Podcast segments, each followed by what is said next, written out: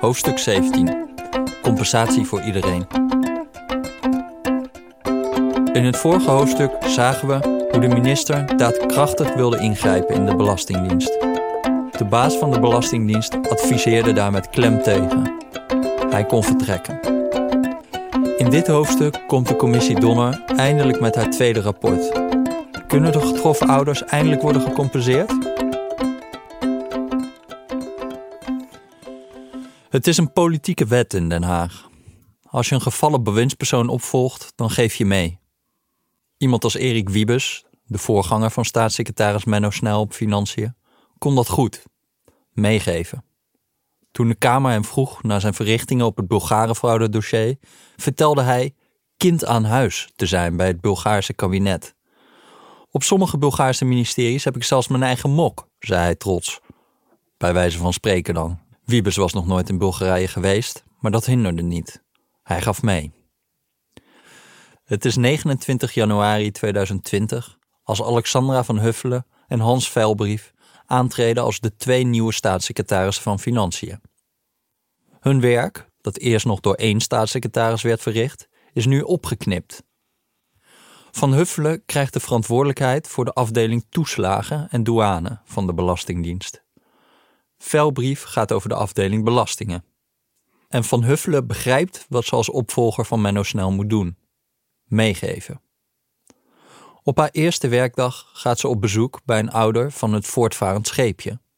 Dat is een kinderopvanginstelling die misbruik heeft gemaakt van onwetende ouders door op hun naam te veel toeslagen aan te vragen en geen eigen bijdrage te vragen.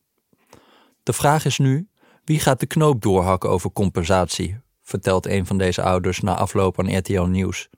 Ik heb haar gezegd: bewijs het maar, durf het maar, doe het maar. En zij, van Huffelen, heeft gezegd dat ze haar best gaat doen. Het tweede rapport van de commissie Donner is dan nog steeds niet af. 12 maart 2020 is het zover. De commissie Donner presenteert haar definitieve rapport over de toeslagenaffaire. Tijdens de persconferentie wil oud-minister Piet Hein Donner duidelijk een punt maken. Hij heeft naast Van Huffelen ook die andere staatssecretaris uitgenodigd, Tamara van Ark, van Sociale Zaken en Werkgelegenheid. Het verheugt mij zeer, zegt Donner aan het begin van de persconferentie, dat ik dit rapport tevens aan de staatssecretaris voor Sociale Zaken en Werkgelegenheid mag overhandigen. Want sociale zaken, hoewel het verantwoordelijke beleidsdepartement, bleef tot dusver altijd wat in de coulissen. Donner legt uit dat de werkwijze van CAF 11, waarover zijn eerste rapport ging, niet uniek was, maar zeker ook niet normaal. Ook constateert hij dat de toeslagenaffaire al lang niet meer over die ene kafzaak, de Dadiemzaak, gaat. Ook niet over alle kafzaken. Nee, het gaat nu over de erfenis van 15 jaar kinderopvangtoeslag. De Tweede Kamer heeft maanden uitgekeken naar dit rapport. Aan de vorige staatssecretaris van Financiën, Menno Snel, had de Kamer met klem gevraagd om met een oplossing te komen voor alle gevallen waarbij mensen gedupeerd zijn door grote terugvorderingen van kinderopvangtoeslag. In haar advies trekt de commissie Donner nu een grens. Ze schrijft: De wetgever heeft, in het bijzonder aan de kinderopvangtoeslag, een alles of niets karakter gegeven.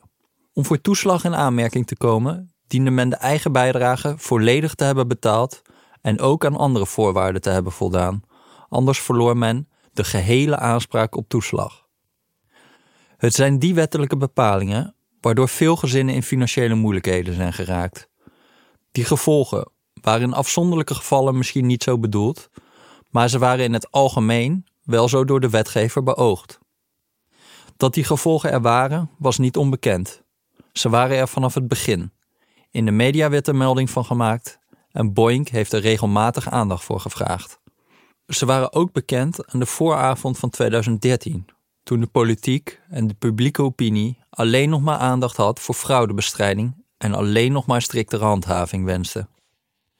In die situatie vragen of er een oplossing is voor mensen die door de werking van de wet in financiële moeilijkheden kwamen, is in wezen vragen of de werking van de wet in de afgelopen 15 jaar teruggedraaid kan worden. Maar de geschiedenis overdoen kan niet. En dus adviseert de commissie Donner om een hekje te plaatsen om de kafachtige zaken. Alleen voor die gevallen waar sprake is van institutionele vooringenomenheid, waar veel te lang is gedaan over de bezwaarbehandeling, waar met de blik van een beul naar de bewijsstukken is gekeken, waar toeslagen zijn stopgezet voordat er vragen zijn gesteld, alleen daar zou ruimhartige compensatie mogelijk zijn. Deze CAF-achtige moeten volgens de commissie Donner dezelfde regeling krijgen als de CAF-11-ouders. Opnieuw recht op toeslag plus 25% schadevergoeding. Maar wat als de ouders niet CAF-achtig zijn, maar wel gedupeerd door de snoeiharde toeslagenwet? In de wet staat dat besluiten tot vijf jaar terug mogen worden herzien, als er tenminste sprake is van een nieuwe uitspraak van de rechter, en die is er dankzij de draai van de Raad van State in oktober 2019. Ouders die in de afgelopen vijf jaar enorme bedragen aan kinderopvangtoeslag moesten terugbetalen, kunnen dus alsnog uit de brand worden geholpen. Zij krijgen alsnog recht op kinderopvangtoeslag en daarmee de toeslagbedragen alsnog toegekend, maar ze krijgen geen aanvullende schadevergoeding. Maar, zo adviseert de commissie, hier moet wel een grens worden getrokken. Pas bij bedragen hoger dan 10.000 euro zou de Belastingdienst besluiten moeten herzien. Anders gaat het niet meer om tienduizenden, maar al snel om honderdduizenden ouders die nog toeslagbedragen te goed hebben, vreest de commissie Donner. En die grens van vijf jaar?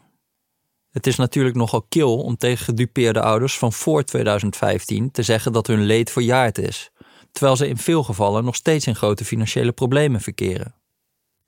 Daarom stelt de commissie Donner voor om in een nieuwe wet een hardheidsregeling op te nemen.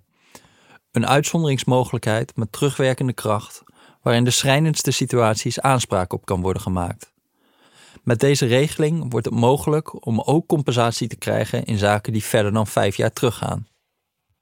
Overigens voegt de commissie wel een stevige waarschuwing toe aan haar advies. Bij de toepassing van deze hardheidsregeling moet worden gewaakt voor druk vanuit aanhoudende media-aandacht en het publieke debat. Voorkomen moet worden dat deze geleidelijk verandert in een algemene grond om alle pijnlijke situaties die zich presenteren toch via een tegemoetkoming goed te maken. En zo ontstaat er een vreemde situatie. In feite waarschuwt de commissie Donner voor de weg die ze zelf aanbeveelt.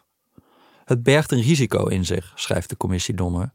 Want langs deze sluipweg wordt een proces in gang gezet dat potentieel grote kosten met zich meebrengt en aanzienlijke precedentwerking voor toekomstige misslagen in wetgeving.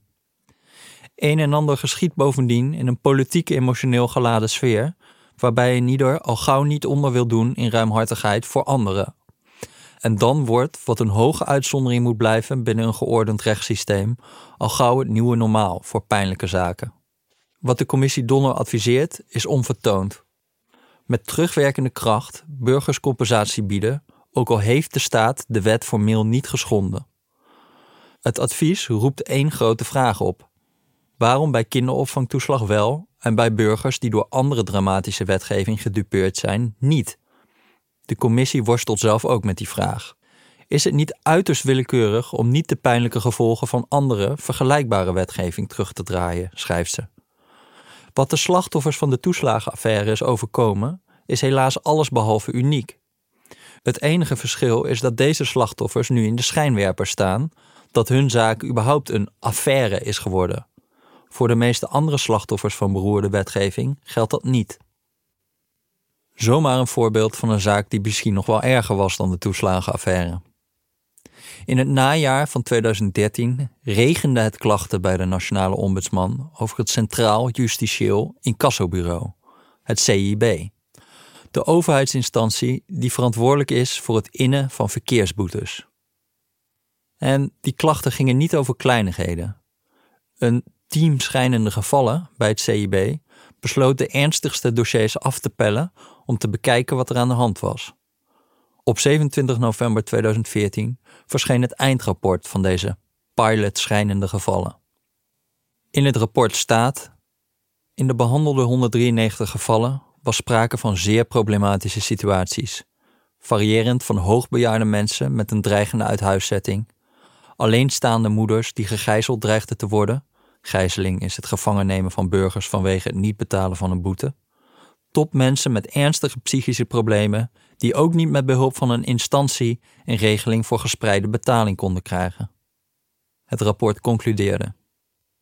Het CIB ontvangt een groot aantal verzoeken van mensen die in een problematische situatie zitten. Gezien dit grote aantal is het onmogelijk om alle casussen in een team schijnende gevallen te behandelen en op te lossen. Het vormt slechts het topje van de ijsberg. Het verkeersboetedrama begon, zoals zoveel dramatische wetgeving, met geldgebrek. In dit geval betrof het een begrotingstekort op het ministerie van Veiligheid en Justitie. In 2010 had minister Ivo Opstelten van Veiligheid en Justitie, VNJ, onder druk van de media en de Kamer het bonnenquotum moeten afschaffen. Agenten kregen voordien opdracht om een bepaald aantal boetes per jaar uit te schrijven. Dat was natuurlijk een perverse prikkel. Tegen het einde van het jaar lagen hordes agenten in de bosjes te flitsen. Dus dat mocht niet meer. Fijn voor de burger, maar minder fijn voor de begroting van het ministerie. In de tijd gingen de geïnde verkeersboetes namelijk niet in de grote pot van de overheid, maar rechtstreeks naar de kassa van het ministerie van VNJ. Dus als er niet genoeg verkeersboetes werden uitgeschreven, moest het ministerie pijnlijke bezuinigingen doorvoeren op haar eigen ambtelijk apparaat. Na de afschaffing van het bonnenquotum kwam de inspectie der Rijksfinanciën, het machtige departement bij het ministerie van Financiën dat waakt over de schatkist, dan ook snel verhaal halen. Hoe dacht VNJ dit begrotingstekort op te lossen? Onder die druk ging er in juli 2010 een wetsvoorstel naar de Tweede Kamer om de wet aansprakelijkheidsverzekering motorrijtuigen, de WAM, onder te brengen in de wet administratief-rechtelijke handhaving verkeersvoorschriften, de WAF. Tot dan toe was het opleggen van een boete voor een onverzekerd voertuig nog een stroperig proces. De eigenaar van een onverzekerd voertuig kreeg een boete en als die daar niet op reageerde, ging de zaak automatisch naar de rechter. Dat gebeurde nogal vaak, waardoor het Openbaar Ministerie en de rechtbanken veel werk hadden aan boetes voor onverzekerde voertuigen. Met de nieuwe wet kwam er een gestroomlijnde administratieve operatie, zoals ook bij andere verkeersboetes. Voortaan werd de eigenaar van het voertuig op de bon geslingerd en moest hij, als hij het er niet mee eens was, daartegen zelf binnen zes weken in bezwaar gaan en vervolgens beroep aantekenen als zijn bezwaar ongegrond werd verklaard. De burger kwam juridisch dus zwakker te staan, maar op deze manier ging de operatie wel een stuk sneller. Via deze weg zouden er meer boetes kunnen worden uitgeschreven. Veel meer.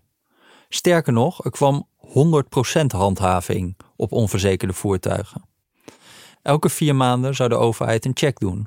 Stond een voertuig in het kentekenregister, maar niet in het verzekeringsregister? Hop, een boete uit naam van ambtenaar 404040. Dat klinkt als een computer, want dat is een computer. En de opbrengst? Zo'n 100 miljoen euro per jaar, schat het ministerie. Het wetsvoorstel lag al in de Tweede Kamer toen bleek dat de begroting van VNJ er nog beroerder voor stond dan gedacht. En dus gingen ambtenaren haastig op zoek naar nog meer inkomstenbronnen. Vanochtend heeft het bilateraal tussen onze minister Ivo Opstelten en minister Jan Kees de Jager van Financiën plaatsgevonden, al dus een e-mail van 13 augustus 2010. De tekorten op boetes en transacties stonden op de agenda. Voor boetes en transacties zijn de volgende punten afgesproken. Punt 4. Het verhogen van de aanmaningen versnellen. In de blessuretijd van het wetsvoorstel over onverzekerde voertuigen kwam het ministerie met nog een wijziging. Mochten bekeurde burgers hun verkeersboetes niet op tijd betalen, dan kregen ze voortaan een forse verhoging voor de kiezer.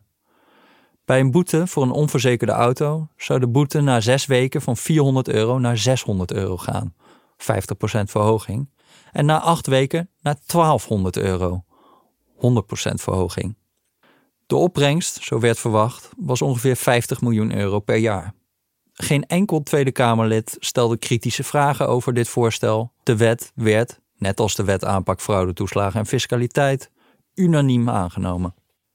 Al snel bleek dat er iets grondig misging. De handhaving op onverzekerde voertuigen was nu volledig geautomatiseerd. Ondertussen openbaarden zich duizend en één redenen waarom het kentekenregister geen goede afspiegeling was van de werkelijkheid. Onschuldige burgers kregen boetes van de werkelijkheid. Onschuldige burgers kregen boetes voor motoren die al lang gesloopt waren, voor auto's die van hen gestolen waren, of voor klusbrommetjes die uit elkaar geschroefd in een schuur lagen. En nog veel vaker bleek er sprake van nalatigheid. Mensen vergaten hun voertuig uit het register te schorsen, gewoon omdat het leven al ingewikkeld genoeg is. Je ligt in een scheiding en bent met andere dingen bezig. Je voelt je ellendig, dus open je de post niet. Of je bent verhuisd en vergeten je nieuwe adres door te geven. De gevolgen van zulke nalatigheid waren dramatisch. Als je voertuig onverzekerd was, dan spuwde de computer vol automatisch drie boetes per jaar uit. En dan werd het echt vervelend. De WAF, de Wet op Verkeersboetes, bood namelijk geen enkele mogelijkheid tot een betalingsregeling, zoals bij toeslagschulden wel kan. Je moest de boete binnen zes weken betalen, anders stond de deurwaarde op de stoep. Die aanpak was misschien nog enigszins begrijpelijk bij een snelheidsboete, waar het meestal om een laag bedrag ging. Maar bij een boete voor een onverzekerde auto ging het om 400 euro. Niet iedereen heeft 400 euro op zijn rekening staan. En als je die 400 euro niet kon betalen, dan werd het bedrag binnen acht weken verhoogd naar 1200 euro. Tot overmaat van ramp was in de WAF ook geregeld dat je alleen naar de rechter mocht als je de boete eerst had betaald. Dus wie wilde betogen dat zijn brommer in werkelijkheid schroot met een kenteken was, moest wel het geld hebben om dit te mogen betogen voor de rechter. In een artikel in het vakblad Verkeersrecht meldde een raadsheer bij het gerechtshof in Leeuwarden dat rechters dikwijls een beroep moesten afwijzen om deze reden. Het Hof heeft vanaf augustus 2012 tot en met maart 2013 in totaal 414 zaken behandeld, schreef hij. In nog geen vijf zaken was het mogelijk de zaak inhoudelijk te beoordelen. In de meeste gevallen was het beroep niet ontvankelijk verklaard wegens het niet stellen van zekerheid. Met andere woorden, wegens het niet betalen van de boete. Ondertussen bleven de boetes en de verhogingen op die boetes binnenstromen bij duizenden burgers. Vooral bij mensen die om wat voor reden dan ook hun post niet openmaakten, konden de spuigaten uitlopen. Eind 2015 had het CIB maar liefst 46.000 keer een boete opgelegd aan mensen die al meer dan 10 boetes voor een onverzekerd voertuig in de bus hadden gekregen. De invordering van verkeersboetes was ook nog eens keihard. Veel harder dan de invordering van toeslagschulden. Eerst kwam de deurwaarder, daarna werd je rijbewijs ingevorderd, dan je auto en aan het einde van de rit ging je zelfs naar de gevangenis. Gijzeling heet dat. Je boete werd na zo'n zit in de gevangenis trouwens niet kwijtgescholden, die bleef gewoon staan. Tussen januari 2012 en april 2015 ging maar liefst 18.733 keer een burger de gevangenis in vanwege een onbetaalde boete voor een onverzekerd voertuig. Toen een kantonrechter in Breda in juli 2012 weigerde nog langer mee te werken aan de schier eindeloze stroom van gijzelingsverzoeken, stelde het Centraal Justitieel Incassobureau een intern memo op om het gijzelingsproces te vermenselijken.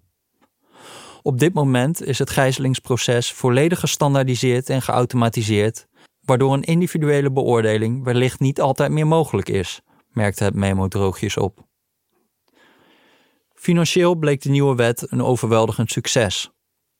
Tussen januari 2012 en april 2017 werden er meer dan een miljoen boetes voor onverzekerde auto's uitgeschreven. Bij meer dan de helft van de boetes vond twee keer een verhoging plaats omdat de boete niet op tijd was betaald. De overheid legde om precies te zijn 421 miljoen euro aan boetes op en nog eens 448 miljoen euro aan verhogingen op die boetes. En wat was er verder met de wet bereikt? Het ministerie wilde natuurlijk dat er minder onverzekerde voertuigen op de weg kwamen. En dat gebeurde ook. Dit bleek duidelijk uit cijfers van het Waarborgfonds Motorverkeer, dat uitkeert bij schade door een onverzekerd voertuig. Vlak voor de invoering van de wet keerde dit fonds nog zo'n 9,3 miljoen euro uit voor onverzekerde schade. En dat bedrag daalde naar 7,5 miljoen euro in 2017. Er was dus zo'n 1,8 miljoen euro minder aan onverzekerde schade gereden. Maar stond die opbrengst ook in verhouding tot de dramatische gevolgen van de nieuwe wet? Van de invoering van de wet tot april 2017 was bijna een miljard euro aan boetes opgelegd. Waren 200.000 rijbewijzen ingetrokken en bijna 20.000 mensen de gevangenis ingegaan.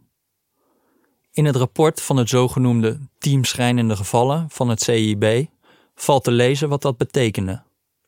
Er staat: Betrokkenen heeft zeven boetes voor onverzekerde voertuigen, met een, al dan niet na verhoging, opgelopen totaalbedrag van 5.057 euro.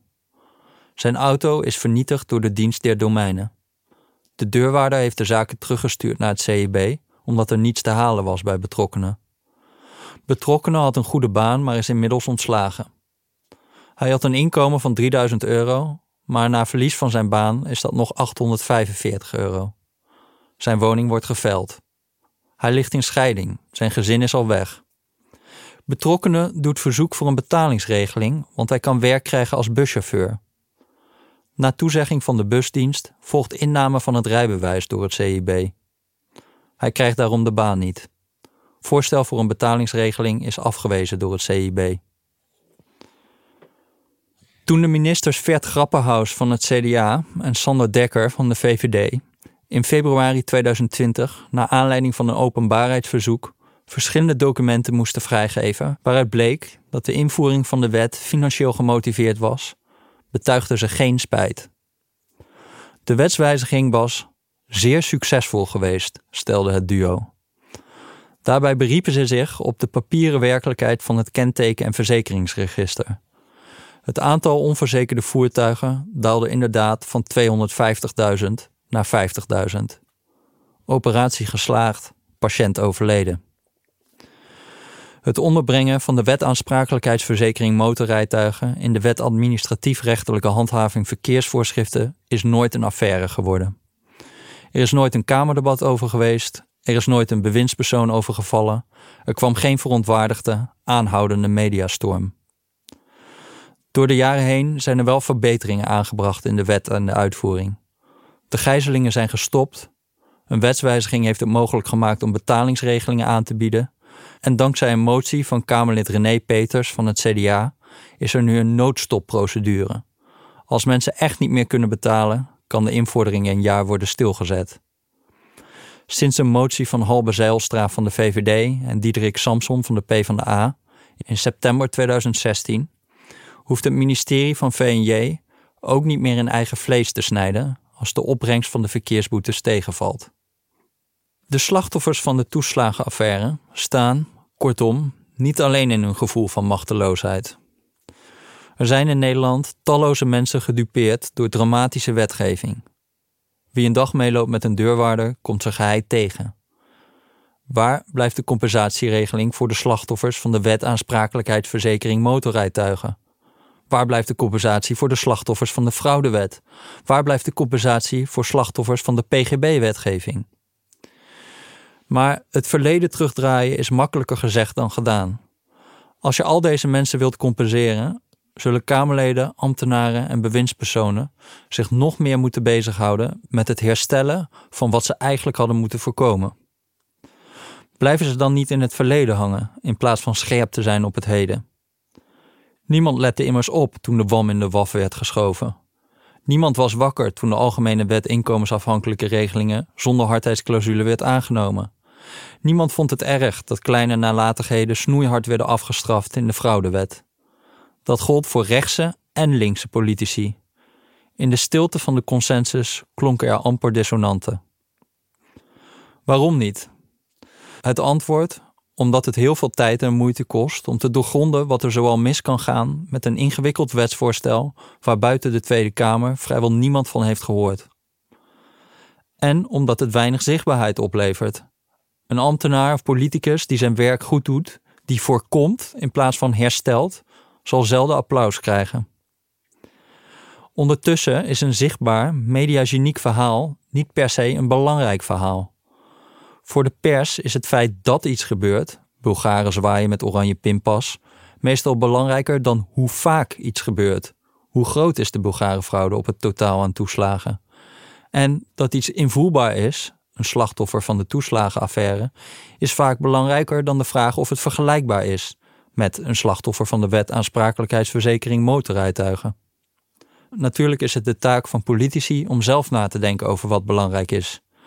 Het is hun taak om een rangschikking te maken met de meest ernstige, structurele problemen bovenaan en de minder belangrijke incidenten onderaan. Politici moeten hun verontwaardiging kalibreren en doseren. Hoe groot is het? Hoe vergelijkbaar is het? Maar als de prioriteiten van de politiek afhankelijk worden van de waan van de dag, dan gaat het ernstig mis. Je kunt je immers niet overal evenveel over opwinden. Er is altijd schaarste aan tijd, geld en energie. De vergaderagenda van de Kamer is altijd overvol, de ministeries zijn altijd overwerkt en de uitvoeringsdiensten zijn altijd overspannen. En dus moet je kiezen. Juist daarom is het ondoenlijk om voor iedere gedupeerde het verleden terug te draaien, hoe graag je dat als samenleving ook zou willen. Een terugdraaiing zal onnoemelijk veel aandacht vragen van de uitvoeringsorganisaties en de politiek, aandacht die vervolgens niet meer besteed kan worden aan het voorkomen van toekomstige drama's. En dus benadrukt de commissie Donner dat het belangrijk is om ook bij de toeslagenaffaire grenzen te trekken. Ze schrijft: Zonder een drempel van 10.000 euro zou niet alleen de rechtvaardiging ontbreken om terug te komen op het verleden, maar het leidt ook tot praktische onbillijkheid. Het gaat om mogelijk meer dan 100.000 dossiers die op verzoek opnieuw zouden moeten worden doorgenomen. De uitvoering zal daarin onvermijdelijk vastlopen, met als gevolg dat belanghebbenden die bovenmatig hard werden getroffen, alsnog eindeloos op afwikkeling moeten wachten. Staatssecretaris Alexandra van Huffelen geeft in haar reactie op het rapport meteen aan dat ze een stuk verder wil gaan. De grens van 10.000 euro die de commissie Donner voorstelt voor compensatie wil ze verlagen naar 1500 euro. En in de hardheidsregeling voor gevallen van meer dan vijf jaar terug wil ze de ouders niet alleen bij hoge uitzondering compenseren. Nee, ze wil iedereen die sinds het begin van het toeslagenstelsel slachtoffer is geworden van een malafide gastouderbureau of de eigen bijdrage niet heeft betaald, compensatie bieden. Het voornemen van de nieuwe staatssecretaris blijkt het startschot van een razendsnelle wetsbehandeling, waarbij uitvoerbaarheid geen criterium meer is. Maar voordat die wet naar de Tweede Kamer gaat, barst een nieuwe bom.